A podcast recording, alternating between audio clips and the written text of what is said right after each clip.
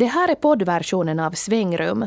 Av upphovsrättsliga skäl är musiken borttagen.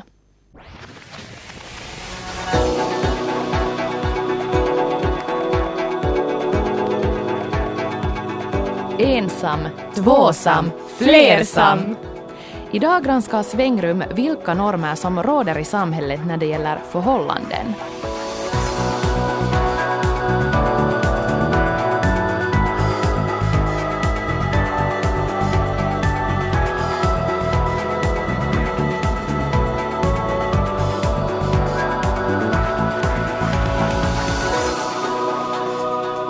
Så levde de två lyckliga tillsammans i alla sina dagar.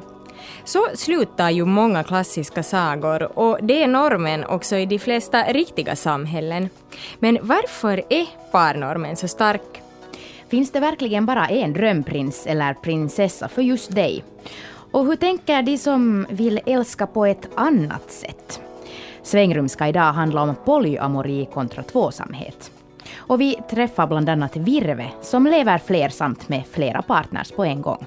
Det finns en uppfattning om att, eh, att flersamma människor på något sätt knullar runt och att det är det enda de gör.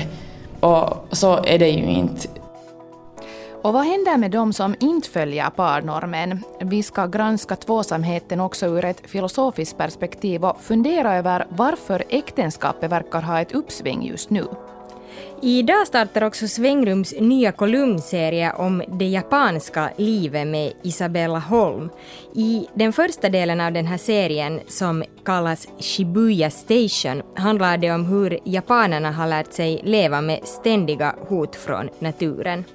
Så när japanerna lyckas hålla sig lugna under en jordbävning medan turisterna stressar handlar det om den informella formen av social kontroll då det inte anses okej okay att sprida rädsla i gruppen.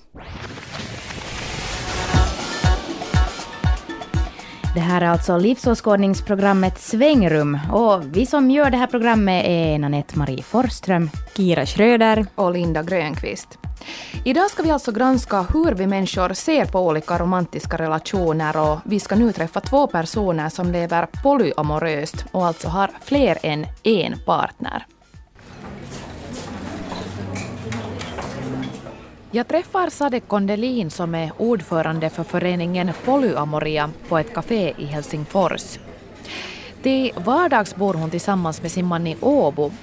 Men just nu är hon här i Helsingfors för att hälsa på en av sina pojkvänner. No, äh, mulla on aviomies, jonka kanssa mä asun Turussa. Ja sen lisäksi mulla on kaksi poikaystävää Helsingissä, joita mä tapaan niin usein kuin mahdollista. Sade är polyamorös, vilket innebär att hon kan ha fler än en partner. Hur hon kom fram till just den här lösningen i sitt liv är en lång historia. Men kort kan man kanske säga att det bottnar i de skuldkänslor som Sade kände när hon var i ett monogamt förhållande men ändå kände dragning till andra personer. Mä oon ollut elämässäni yksiavioisissa parisuhteissa ja aina ollut jotenkin niin kuin tuntenut huonoutta siitä, että mä ihastun muihin ihmisiin ja toivon, että voisin olla noiden muidenkin kanssa lähemmin tekemisissä ja sillä ja Som 16-årig inledde Sade sitt första polyamorösa förhållande och på den vägen är det. Och sen föreningen Polyamoria grundades i fjol och Sade blev ordförande så har hon också blivit van att prata om sitt privatliv i offentligheten. Men trots att polyamoria-föreningen är relativt ny så betyder det inte att själva fenomenet också skulle vara det. Virve, som själv helst kallar sig för relationsanarkist, har till exempel levt ett flersamt liv redan länge. Det är ganska många år sedan jag kom in på sådana här tankar överhuvudtaget. Det var via internet som jag hittade liksom att det överhuvudtaget fanns ett ord som polyamori och relationsanarki och, och att leva flersamt. Och plötsligt började det bara kännas att, att kan man göra så här? Att det kändes helt så här att det här kanske är min jotto. Hela min tanke är väl ungefär den att jag tycker att man kan göra olika saker med olika människor och, och jag tror att många människor håller med mig om att en enda människa kan inte ge, ge mig allt. För det finns liksom inte, det kanske finns så här perfect matches men att, eh, att det skulle på något sätt finnas en människa som kan ge mig precis allt vad jag behöver, det verkar hemskt utopistiskt och därför är hela tanken den att jag kan göra olika saker med olika människor. Och då kanske poly blir ett ganska så nära sätt att leva i och med det. Vad, vad ger det dig som du inte annars skulle ha möjlighet till? Det, gör mig, det ger mig möjligheter att, att på något sätt leva obegränsat. Eller jag förstår ju att det finns alla möjliga gränser. Det finns gränser som sätts av lagar och samhälle och, och en själv naturligtvis för att man, man är ju inte hur som helst ändå. Att den sista som sätter gränser åt en är en själv ändå. Men det ger mig möjligheten att, att låt säga om jag träffar en, en person så behöver inte jag till exempel må dåligt eller ha dåligt samvete för att jag kanske blir förtjust. Och, och jag vet många monogama människor som, som helt klart medger att de blir förtjusta i andra människor trots att de har ett, ett eh, monogamt eh, parförhållande. Att det, det verkar inte som någonting onaturligt på så sätt heller. Nå, uh, I praktiken, vad innebär för, bär det för ditt liv? Hur ser dina relationer ut?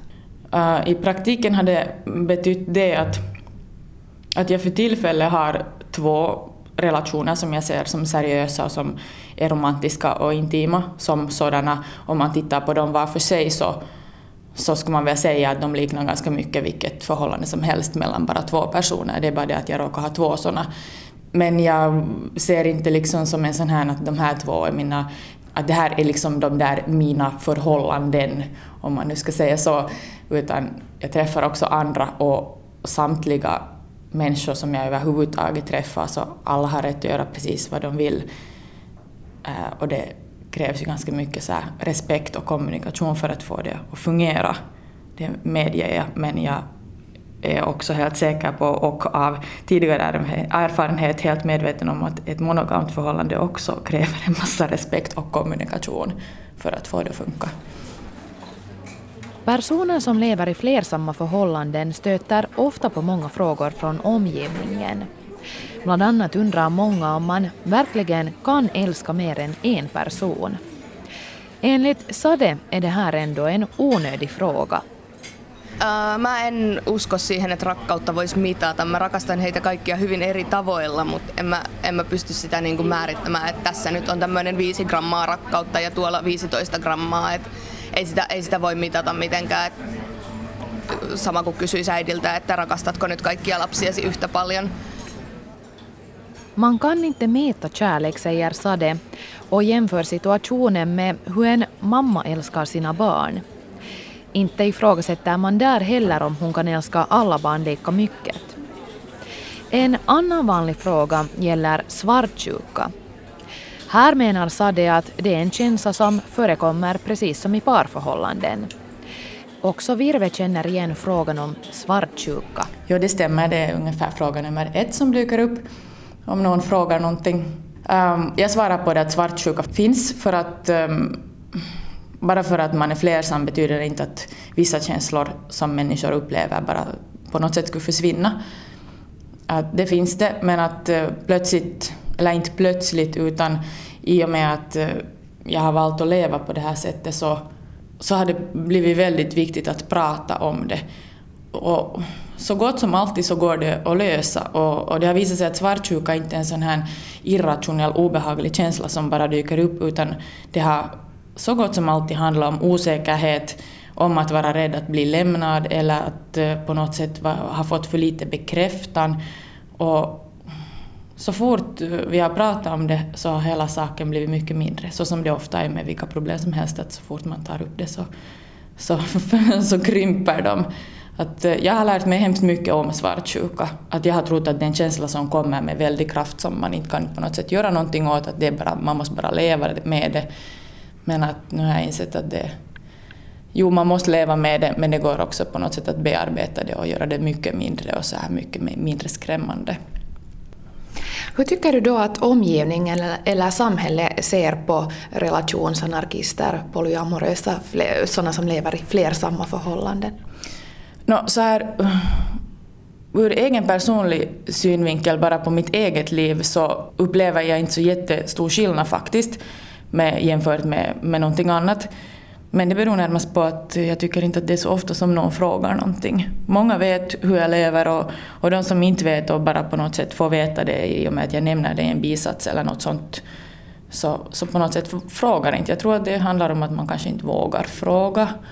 Men eh, rent samhälleligt sett så, så måste jag nog säga att det känns nog kanske som en så här lite negativ uppfattning. För tvåsamhetsnormen är jättestark och i synnerhet den att den ska vara mellan en man och en kvinna. Och eh, det ses helt enkelt som någonting fel och, och jag vågar också påstå att, att det på något sätt är ännu mer extra fel om en kvinna har flera förhållanden för att eh, då finns plötsligt den här stämpeln om att bli kallad hora och, och sånt som kanske inte finns direkt för män i varje fall. Så, så tills vidare måste jag nog säga att det känns som en ganska negativ syn från samhället men som sagt inte direkt i mitt personliga liv. Finns det några direkta missuppfattningar som man möter som flersamt levande? Um, ja, kanske den, en av de vanligaste eh, missuppfattningarna är väl den att man på något sätt är så här fri vara när som helst. Och så är det ju inte. Det finns en uppfattning om att, eh, att flersamma människor på något sätt knullar runt och att det är det enda de gör. Och, och, och, och, det handlar det liksom inte om. Jag kan säga att det, det kan det ju också handla om, men det är inte det som är grundpoängen, utan poängen är den att, att man vill och har en förmåga och ett intresse att upprätthålla fler än ett seriöst förhållande åt gången. Det här med att rätta till missuppfattningar om vad polyamori egentligen handlar om är just en av Polyamoriaföreningens viktigaste uppgifter.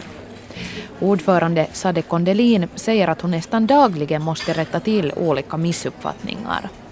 Ajatellaan, että on tällaista niin kuin nuorten sitoutumiskyvyttömien ihmisten sellaista kivaa pientä säätöä ympäriinsä, tai että on jotenkin luvallista pettämistä tai jotain sellaista, niin sitä löytyy, että niitä, niitä pyritään korjaamaan. Ofta tror folk till exempel att det här är ett övergående fenomen och någonting som bara ungdomar håller på med. Eller sen att det är ett tillåtet sätt att vara otrogen. Men trots att missuppfattningarna är många så upplever inte Sade att folk i allmänhet skulle diskriminera eller fördöma personer som lever flersamt. Sånt möter man snarare på nätet. Ne on enemmän sit sellaisia internetöyhöttäjiä ja muita sellaisia ihmisiä, joille on kauhean tärkeää päästä kertomaan mulle, mikä kauhean lutka mä oon. Et tota, har, aika harvoin ihmiset uskaltaa tulla päin naamaa sanoa, että teetpä kyllä nyt kauhean väärin. Och det här med att det skulle vara något slags övergående fas håller Sade inte alls med om. Hon är övertygad om att hon alltid kommer att vara polyamorös och hoppas innerligt att hon, precis som i sagorna, ska få leva lycklig i alla sina dagar med alla sina män. Kyllä, kyllä. Et tota, et tällä hetkellä tilanne on sellainen, että mä hartaasti toivon, että mä voisin olla mun kolmen kumppanini kanssa koko loppuelämäni. Också Virve tror att hon kommer att fortsätta leva flersamt också om hon inte är helt lika säker på sin framtid. Med vänner och så här, någon har frågat mig att vad om jag skulle leva något sånt helt normiliv sen, att skulle jag kunna tänka mig det? Och, och då säger jag att ja, men det säger jag ju sen, att det vet jag ju inte. Jag inser också att det kanske kan låta lite som att, att ingenting spelar någon roll och allt är väldigt öppet, men, men så är det inte. För att det jag gör nu och det jag känner nu och hur jag väljer att vara med människor just nu så spelar ju i högsta grad roll för mig nu.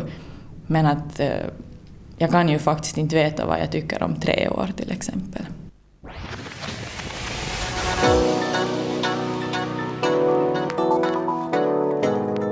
De här båda kvinnorna var ju båda så här relativt unga eh, och Sade sa ju att hon åtminstone tror att hon kommer att leva hela livet så här polyamoröst.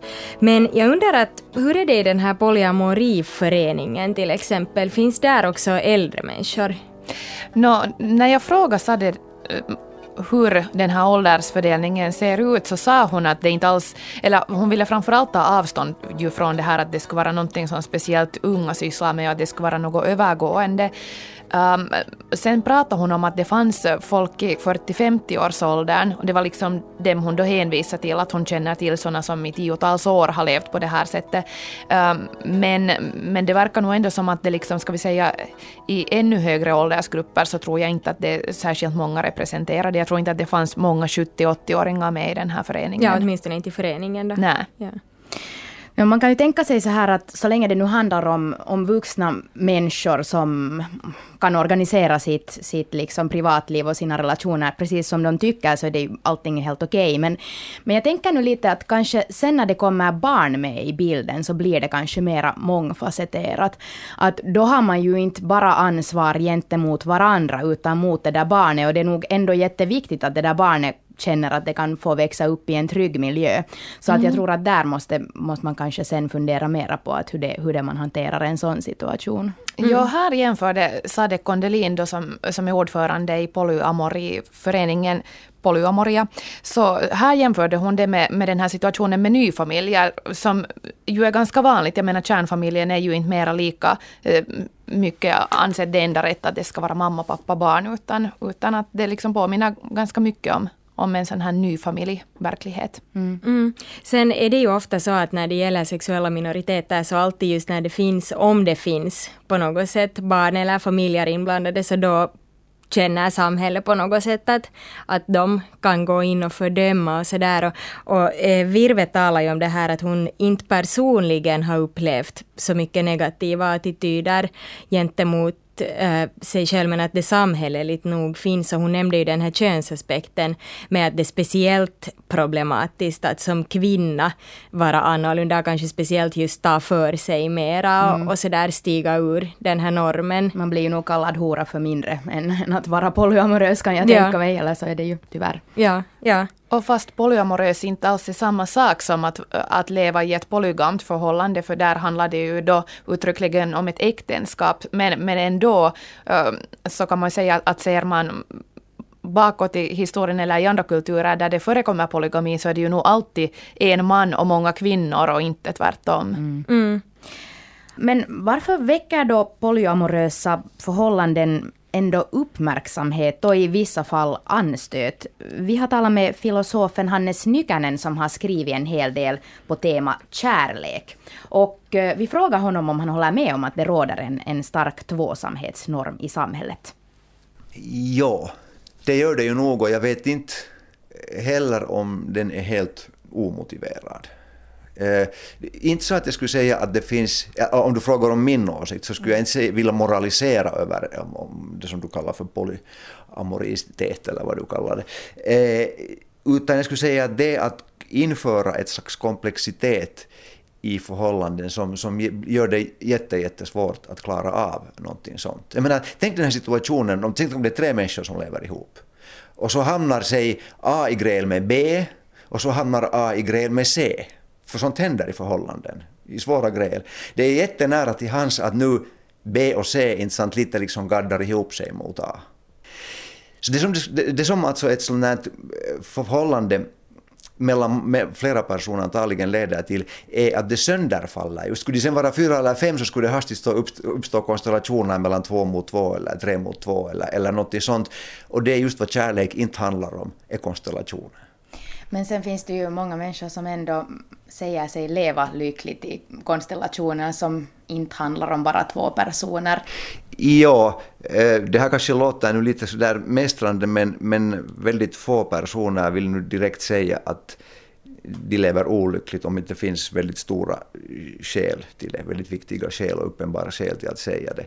Så det att människor tycker att de är väldigt nöjda över ett visst arrangemang i livet tycker jag inte ännu måste indikera någonting. Jag menar, det, jag menar, det här är en svår diskussion, men det att någon känner ett slags subjektivt lyckotillstånd över någonting säger ännu inte alls om det finns det minsta lilla skäl att tro att det finns något bra i det.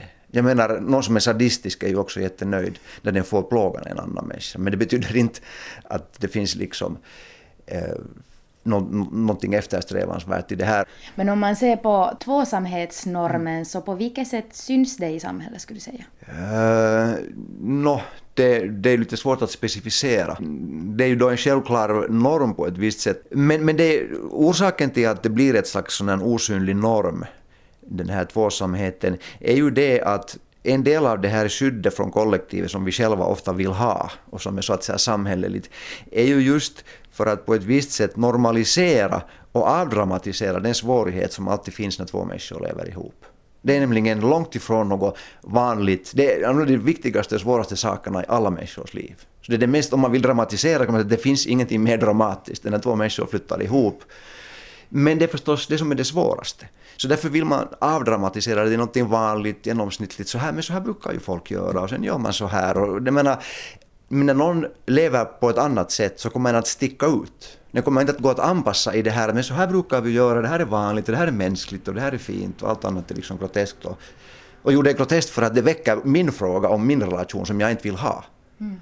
För, för, så att på sätt och vis så är det för att undanstöka konflikter som man inte vill ha, så att säga, eh, något exempel på annorlunda relationer, för man vill inte ställa sig den frågan. Vad är det för frågor som aktualiseras när man ser exempel på folk som till exempel lever polyamoröst? Ja, alltså hela den här, vad är ens eget liv? Hurdant är ens eget förhållande? Hur bra känner jag eh, den människa jag lever med? Eh, hur, och, och, det där, och det kan vara väldigt obehagliga svår, frågor och det kan visa sig att man har levt 20 år ihop och man tycker att det är en främling som man lever med. Och det, där, och det, det, det är ganska obehagligt.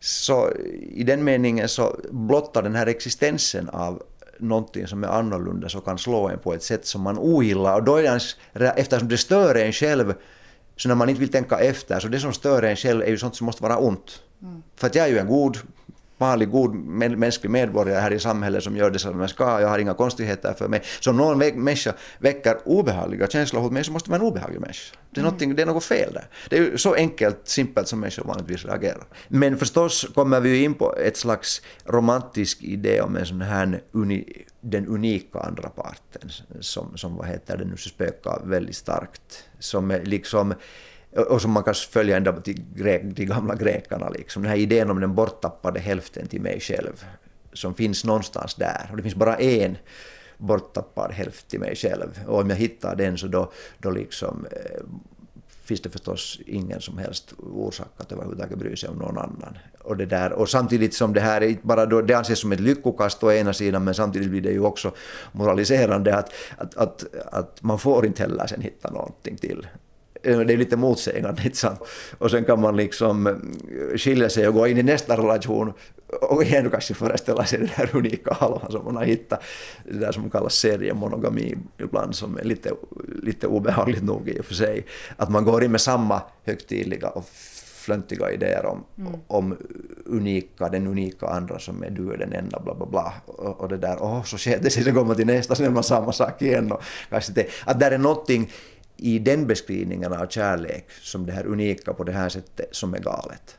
Mm. Uh, utan att jag skulle vilja säga att det att man lever uh, två tillsammans måste vara något fel. Uh, som jag sa redan så tror jag att det är jättesvårt att leva på ett annat sätt. Mm. Utan att jag vill moralisera över det så tror jag att det inte funkar helt enkelt. Men det betyder inte att jag tycker att den här romantiska idén om det unika eh, skulle vara något bra. Den är verkligt beklaglig och, och det där. Och där finns någonting helt tokigt i den här seriemonogamin, idylliserande av den andra som man gör sen en efter en efter en efter en. Om man ser så här historiskt, eh, så den här modellen med två människor som älskar varandra som på något vis samhällets hörnsten, har den alltid funnits? Det där är ju lite en historisk fråga som, som jag inte vet hur skickad jag är att svara på det. Men ska vi säga att samhället har åtminstone inte alls alltid varit i samma mån intresserad av att lägga sig i folks sexualvanor. Ibland kanske man vill ha en viss offentlig, på grund av religiösa så här offentliga idéer, men, men att man sen faktiskt skulle ha lagt sig i det vet jag inte riktigt. Vi, vi känner ju till det från från medeltiden när påven började och, och vad heter det nu blanda sig i folks sexliv men alltså det var också mycket mer att blanda sig för folk var liksom, vi är lika påvliga som påven var då idag allihopa ungefär så det, det var, gick mycket vildare till på medeltiden. Sen, sen har det ju alltid funnits olika reglage. Jag menar, romarna hade ju väl eh, ett ganska frisyn i många avseenden, men utom att sex var ett uttryck för mänsklig hierarki. Så jag menar, det var eh, eh, ett slags um, hierarkisk ordning där. Det var väldigt noga, eh, en kvinna kunde nog vara med någon slav. En, en rik kvinna kunde använda slavar hur som helst, det brydde man sig inte om. Men att sen om det blev någon uh, viktigare person så kunde mannen bli Ferrari, eh, Eller typ sådana här saker. Och, och, samma ser vi hos grekerna också, där den här kärleken män emellan ansågs till och med högre bland vissa filosofer än, än kärleken mellan man och kvinna. Men förutsatt förstås att den vise mannen var äldre och den som var aktiv medan den unga pojken var ett slags objekt för hans lust. Som visar på det hierarkiska och ganska otrevliga och äckliga synsättet egentligen som låg där i bakgrunden.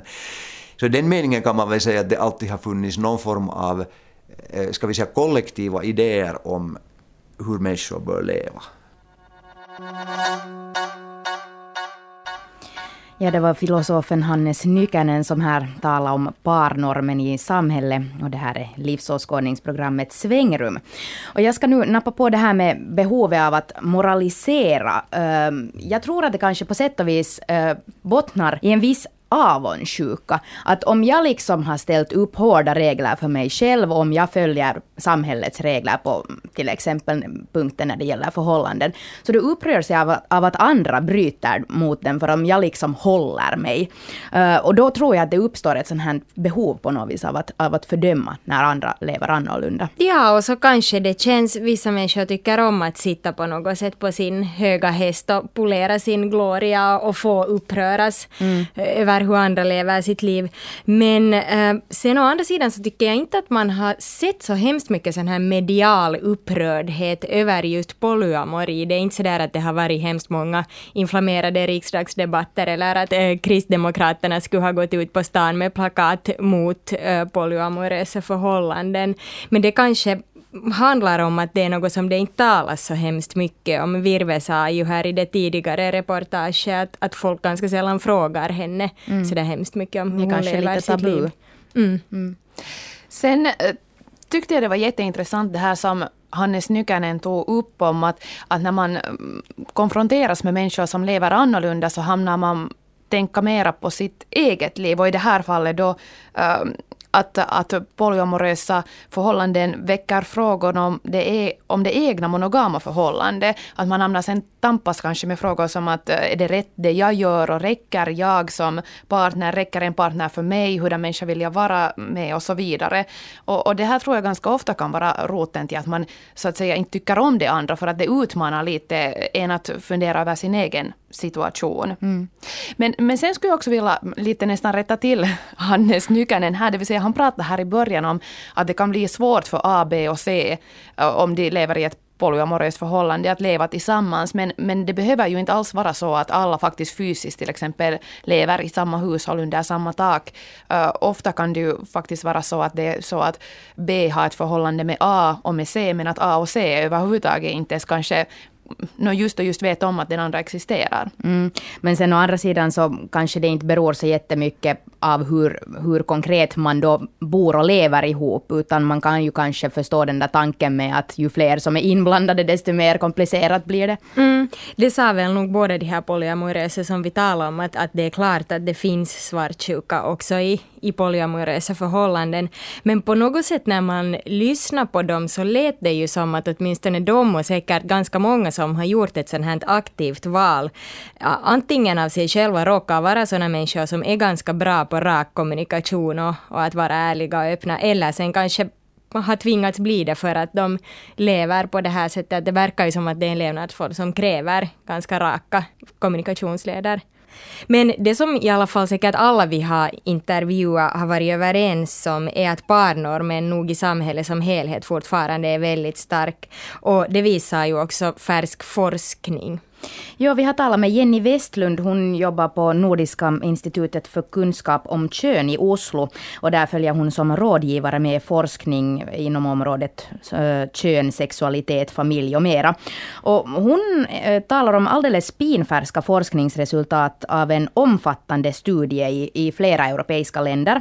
Och där har man bland annat fokuserat på hur olika europeer väljer att organisera sitt privatliv och sina relationer. De här forskarna äh, konkluderar med att de hade blivit väldigt förvånade över hur stark parnormen stod i alla de fyra länderna som de hade studerat, vilka ju sinsemellan är väldigt olika. Bulgarien, Portugal, England och Norge var det som deltog i den här undersökningen. Mm. Och, och de konstaterar också att, att äh, det i samtliga de här undersökta länderna har, har skett äh, stora förändringar i, i medborgarnas intima liv de senaste låt säga 40 åren eller så här, där eh, antalet gifta par har sjunkit, eh, skilsmässorna har ökat, allt fler barn föds utanför äktenskapet, eh, antalet ensamföräldrar ökar, liksom antalet singelhushåll och, och kvinnor som inte skaffar barn.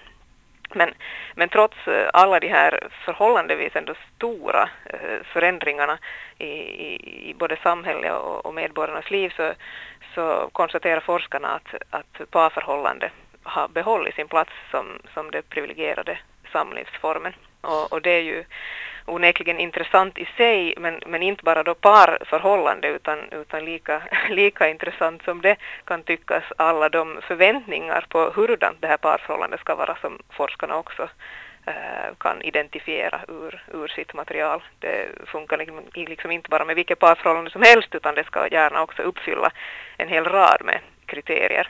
Vad är det för typ av kriterier som man talar om? man behöver nödvändigtvis inte vara gift, men man ska gärna vara gift eller åtminstone planera eller vilja gifta sig. Uh, man ska ha ett sexuellt förhållande. Uh, man ska också vara känslomässigt involverad i varandra. Man ska vara monogam. Mm. Det ska vara ett eh, långvarigt och stabilt förhållande. Man ska gärna ha barn. Man ska också gärna vara eh, homogena, det vill säga att man ska likna varandra när det gäller till exempel bakgrund, etnicitet, ålder inte minst. Och också säkert en springande punkt att åtminstone inledningsvis så förväntas att, att det här parförhållandet ska vara baserat på romantisk kärlek och är det inte det så faller liksom ganska mycket av hela den där föreställningen av vad ett, ett parförhållande är. Um, har forskarna några teorier om varför den här parnormen är så stark?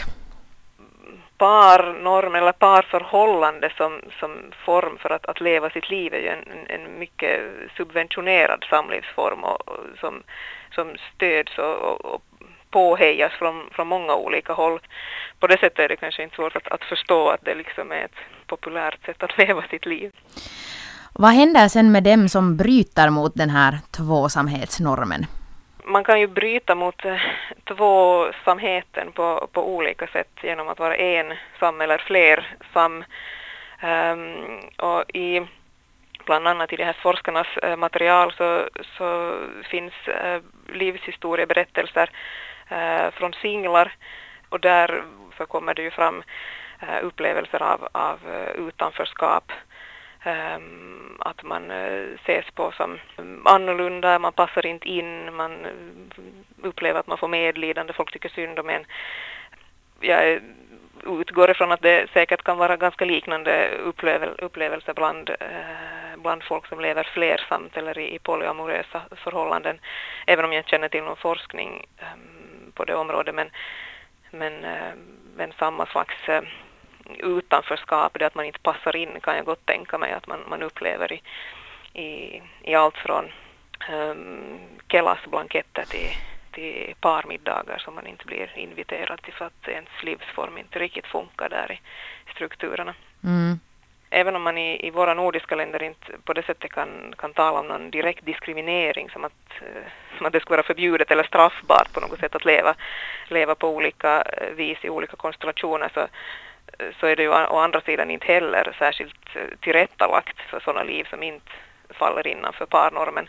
Ehm, jag menar man kan inte till exempel registrera eller få juridiskt erkännande för andra relationer än, än två samma kärleksrelationer. Mm. Um, en svensk forskare, Anna Adenji, som har, har forskat i äktenskapsmotstånd, hon menar till exempel att det idag talas mer om uh, vilka som får gifta sig, som till exempel diskussionen om samkönade äktenskap, istället för varför man ska gifta sig överhuvudtaget.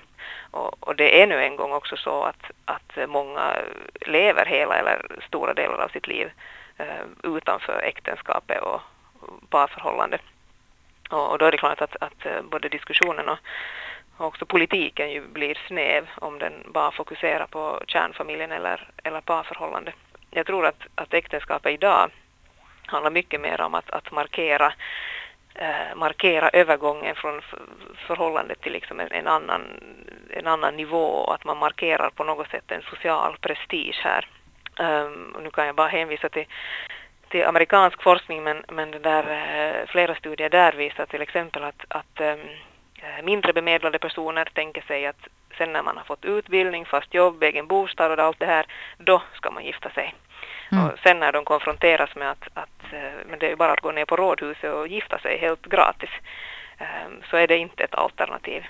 Och på det sättet kan man tolka bröllop och äktenskap som, som ett sätt att att signalera var man står i livet, vad man har uppnått och, och det där bröllopets liksom, och äktenskapets sociala funktion mm. eh, blir viktig. Och jag, jag tror också att det gäller, gäller i våra länder.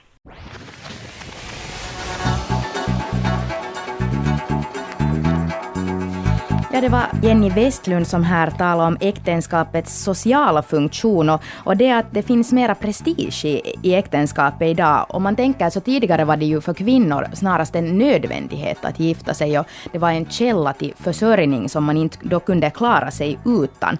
Medan det, numera så är ju vi kvinnor som tur, eh, i alla fall här i, i Finland, fria att själva välja hur vi lever, vem vi vill gifta oss med. Och, och jag tror att det har också då lett till det att, att det finns mera press på att det då verkligen ska vara ett, ett bra äktenskap. Precis. Hannes Nykänen var ju inne på det här tidigare med den unika hälften som man söker efter och, och, och, här tror jag också att det just är ett uttryck, eller att det här leder till en viss press, att man helt enkelt ska hitta den perfekta partner som fyller en lång lista av viktiga punkter som man, man har ställt upp att jag tänker sådär att tidigare kanske det räckte med att, att det var nu en man som helst skulle vara nykter och ha lite pengar och sen skulle han inte slå dig. Mm. Men idag är det väldigt mycket mera som, som ska liksom då stämma helt enkelt. Mm.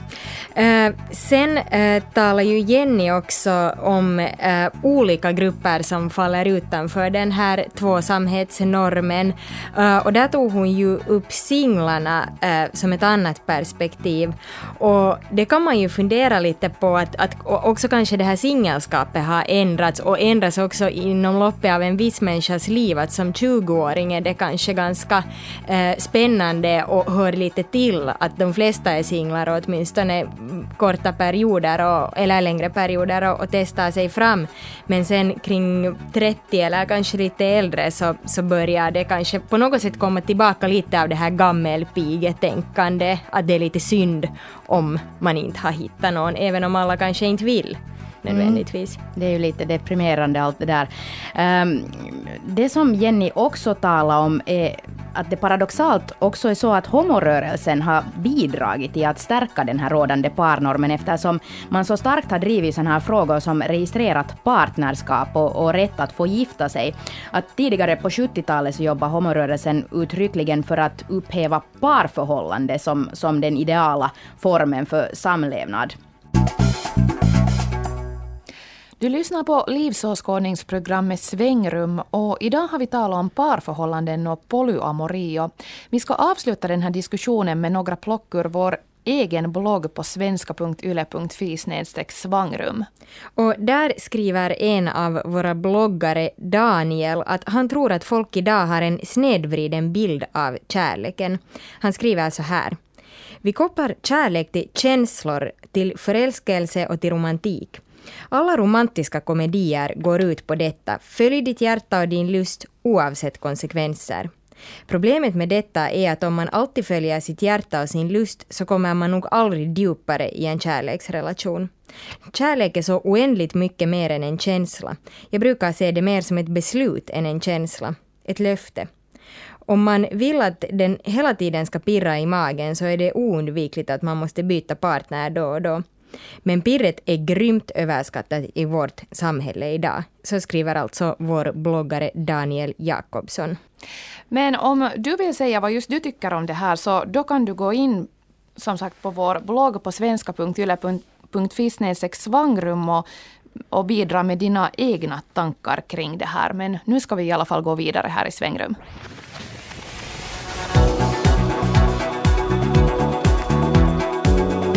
Ja, här i Svängrum så brukar vi varje vecka ha en del som vi kallar moralväktaren, men inte faktiskt den här veckan. Men lugn, bara lugn, moralväktaren är tillbaka igen nästa vecka och då får ni höra den åländska kändiskocken Mikael Björklund som funderar bland annat över om man har rätt till vård också om man har misskött sin egen hälsa man kan inte börja sortera ut vilka människor som ska få vård och vilka människor som den biten. För då, då tror jag att vi får ett sånt fruktansvärt klassamhälle. Vi ska ändå inte vara helt omoraliska i den här sändningen, men nu tänkte vi istället låta er lyssnare fundera på ett moraliskt dilemma. Det går så här. Du och tolv andra människor sitter på en räddningsflotte efter en färjekatastrof. Det är fruktansvärt kallt och blött. Några människor i flotten verkar inte ha långt kvar till döden. Flotten har börjat ta in vatten och du inser att någonting måste göras. Plötsligt kommer fyra människor som försöker ta sig upp på flotten. Ni är för många, det kommer aldrig att gå. Vad gör du?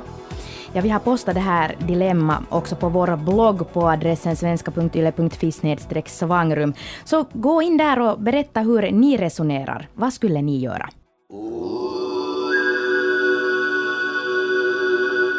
Och nu till sist här i Svängrum så ska vi presentera en ny serie som vi kommer att sända här i programmet under våren. Och den serien känner ni igen på den här signaturen.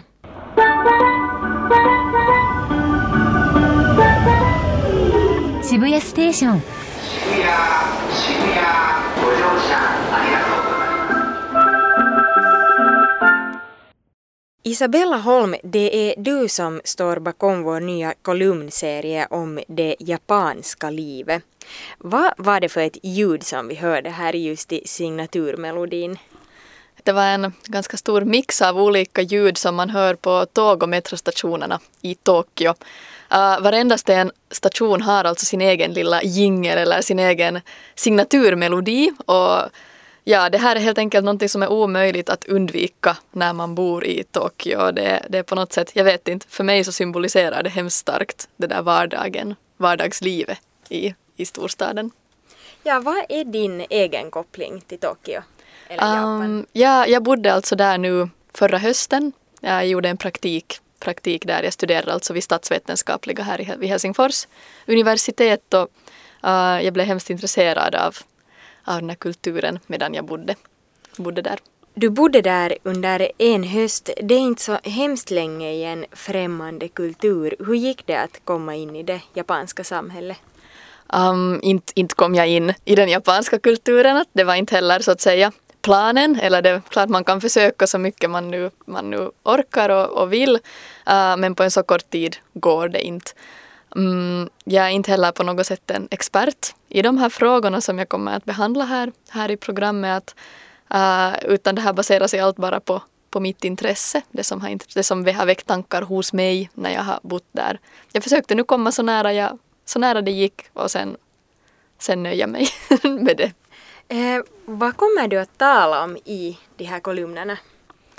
Ah, uh, no, till att börja med så är det klart att man måste behandla den här jordbävningen och allt det som har följt därefter. Att, uh, så det är det som den här första kolumnen kommer att behandla.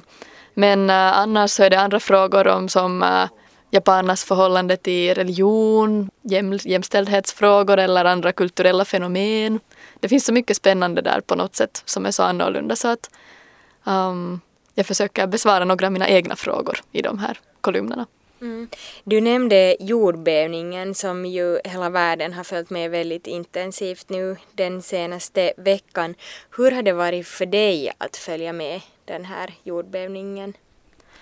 Um, no, I och med att jag kom hem först ganska nyligen så har det ju varit ganska absurt Uh, det första var ju såklart att kolla om alla var okej. Okay, och uh, ja, jag vet inte. Det, det, har varit ganska tungt att följa det på distans för att man känner sig sådär så, så hjälplös i det. Men uh, samtidigt är det ju ganska skönt att inte vara där. Om man, om man nu får säga så, så är det ju helt sant att, att det är ju en hemskt allvarlig kris. Um, men jag måste nog säga att det här med sociala medier har hjälpt otroligt mycket i de här frågorna. Att ge mig själv lugn och också att lugna de av mina vänner som är kvar där mm. borta. Tack för det här eh, Isabella Holm. Eh, jag tror att vi helt enkelt börjar med att lyssna på det första avsnittet av din eh, kolumnserie Shibuya Station som eh, handlar om just hur japanerna har hanterat den här stora katastrofen.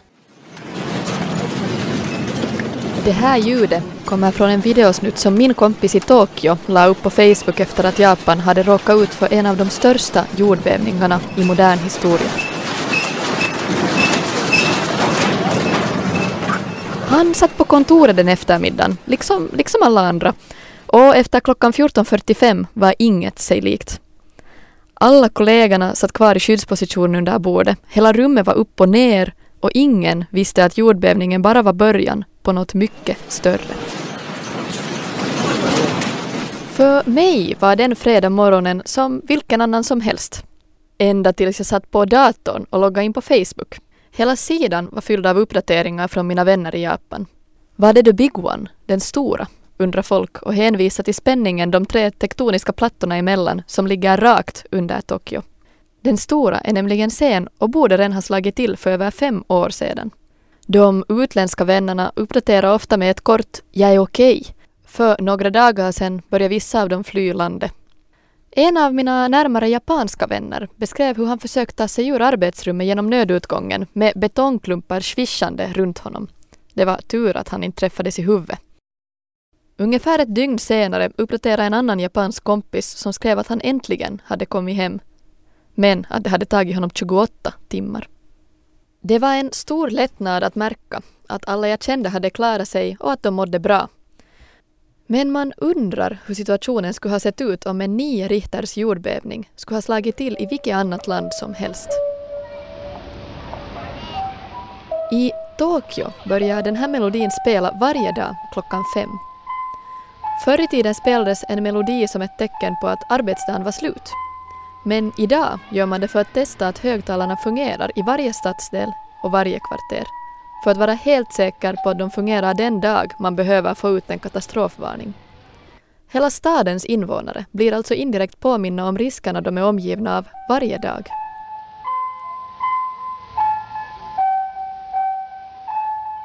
Som Dave Ewing tweetade den dagen. Rubriken du inte kommer att läsa. Miljoner japaner räddats av god ingenjörskonst och statens byggnadsnormer.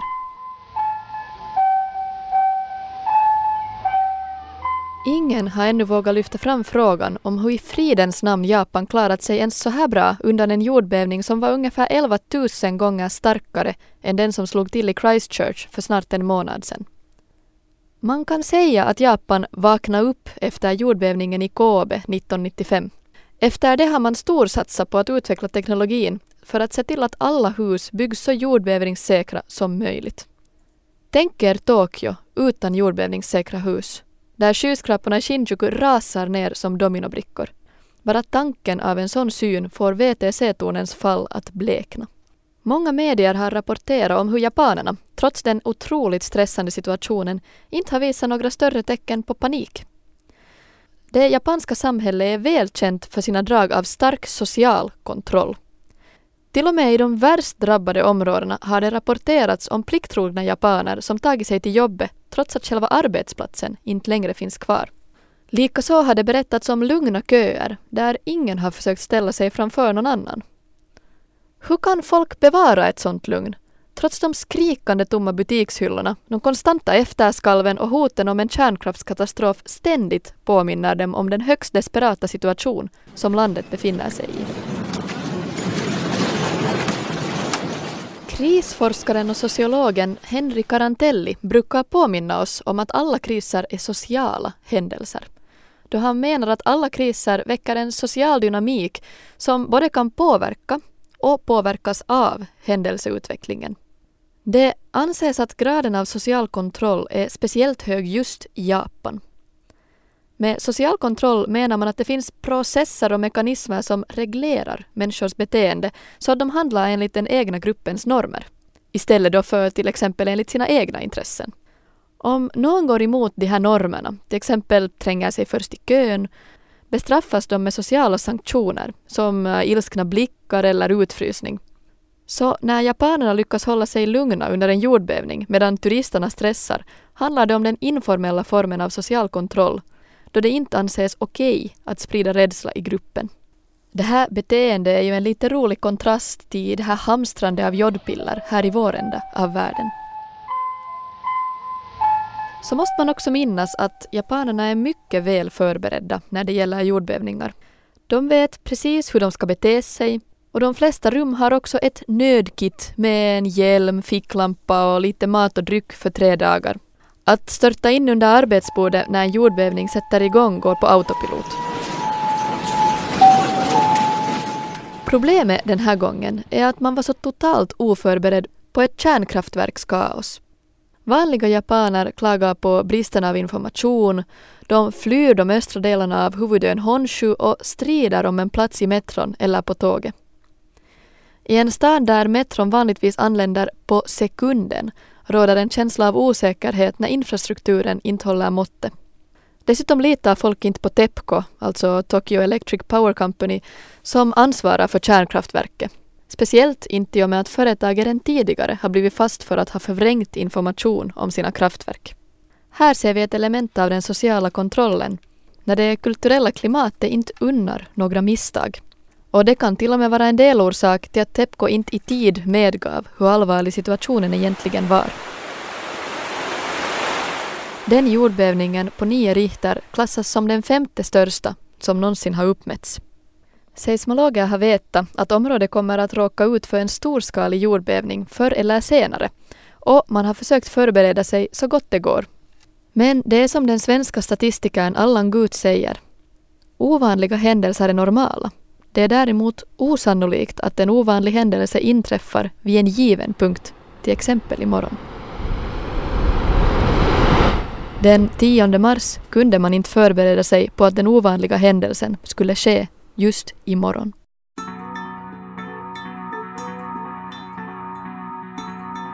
Och det här var inte enda gången eh, vi hörde Isabella Holm. Det här var alltså första delen i en kolumnserie om det japanska livet där det bland annat kommer att handla om hur japanerna förhåller sig till religion. Lite som ett smörgåsbord lär det ska vara. Mm, och på tal om serier så nästa vecka inleder vi en annan serie och den har temat lycka. Då frågar vi oss bland annat om pengar verkligen gör oss lyckligare.